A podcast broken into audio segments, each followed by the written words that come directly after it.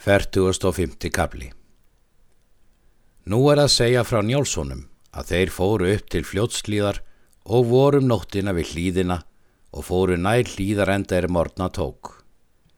Þennan morgun hinn sama stóðu þeir upp snemma, sigmundur og skjöldur og ætluðu til stóðhrossa. Þeir höfðu beistl með sér og tóku hross í túni og riði braut. Þeir leita stóð þessins um hlýðina og fundi hann með að lækja tveggja og leittu hrossin ofan að götu mjög. Skarpjén sá Sigmund því að hann var í litklæðum. Skarpjén mælti. Sjáu þér rauð álvin sveinar. Þeir litu til og hvaðu sjá hann. Þá mælti Skarpjén. Þú skalt gerað ekki höskuldur því að þú mynd oft sendur eitt saman óvarlega en ég ætla mér Sigmund. Þykir mér það karlmannlegt, en þið, Grímur og Helgi, skulu vega skildi.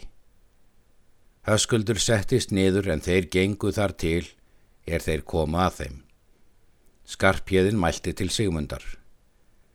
Takk vopp þín og verð þig. Er það nú meiri nöðsin en hveða flýmum og spræður? Sigmundur tók vopp sín en Skarpjeðin beigð meðan. Skjöldur snýr í móteim Grím og Helga og börðust þeir í ákafa. Sigmundur hafði hjálma höfði sér og skjöld á hlið og gerður sverði og hafði spjót í hendi.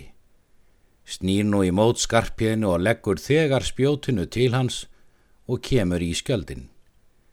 Skarpjéðin laust í sundur spjótskaftið og færir upp öksin í annasinn og höggur til Sigmundar og kom í skjöldin og klauf ofan öðrum megin mundriða.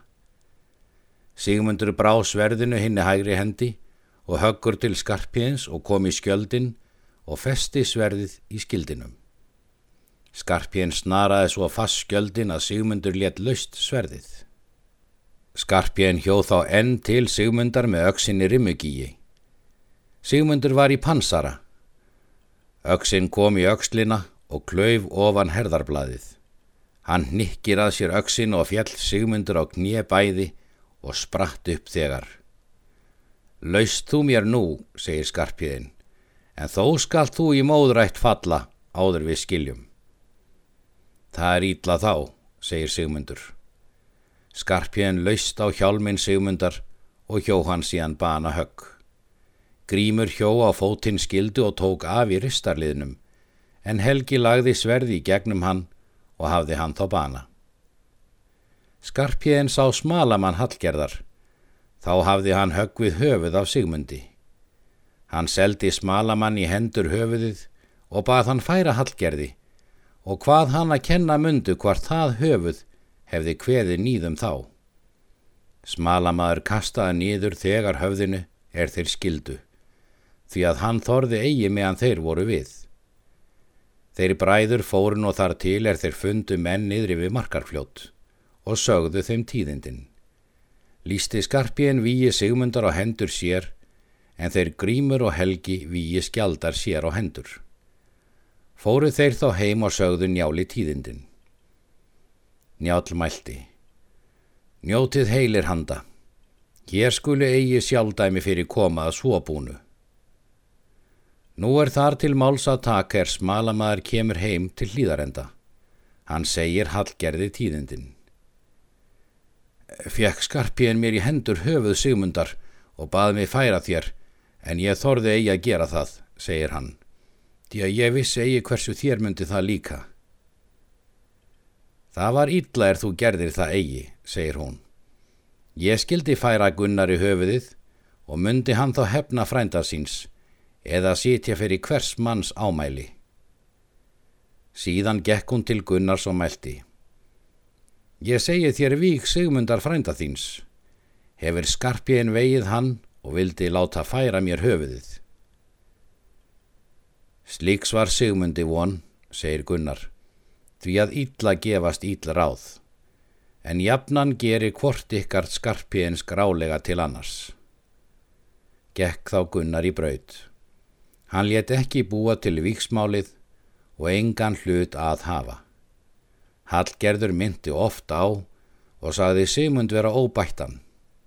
Gunnar gaf ekki gauma því. Nú liðu þrjú þing þau er menn ætluð að hann myndi sækja málið. Þá kom eitt vandamál að hendi Gunnari. Það er hann vissi eigi hversu uppskildi taka. Reið hann þá til fundar við njál. Hann fagnar vel Gunnari. Gunnar mælti til njáls. Heilræði er ég komin að sækja að þér um eitt vandamál.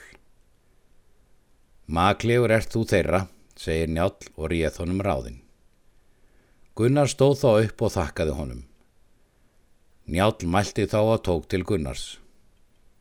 Helsti lengi hefur Sigmundur frændið þinn óbættur verið.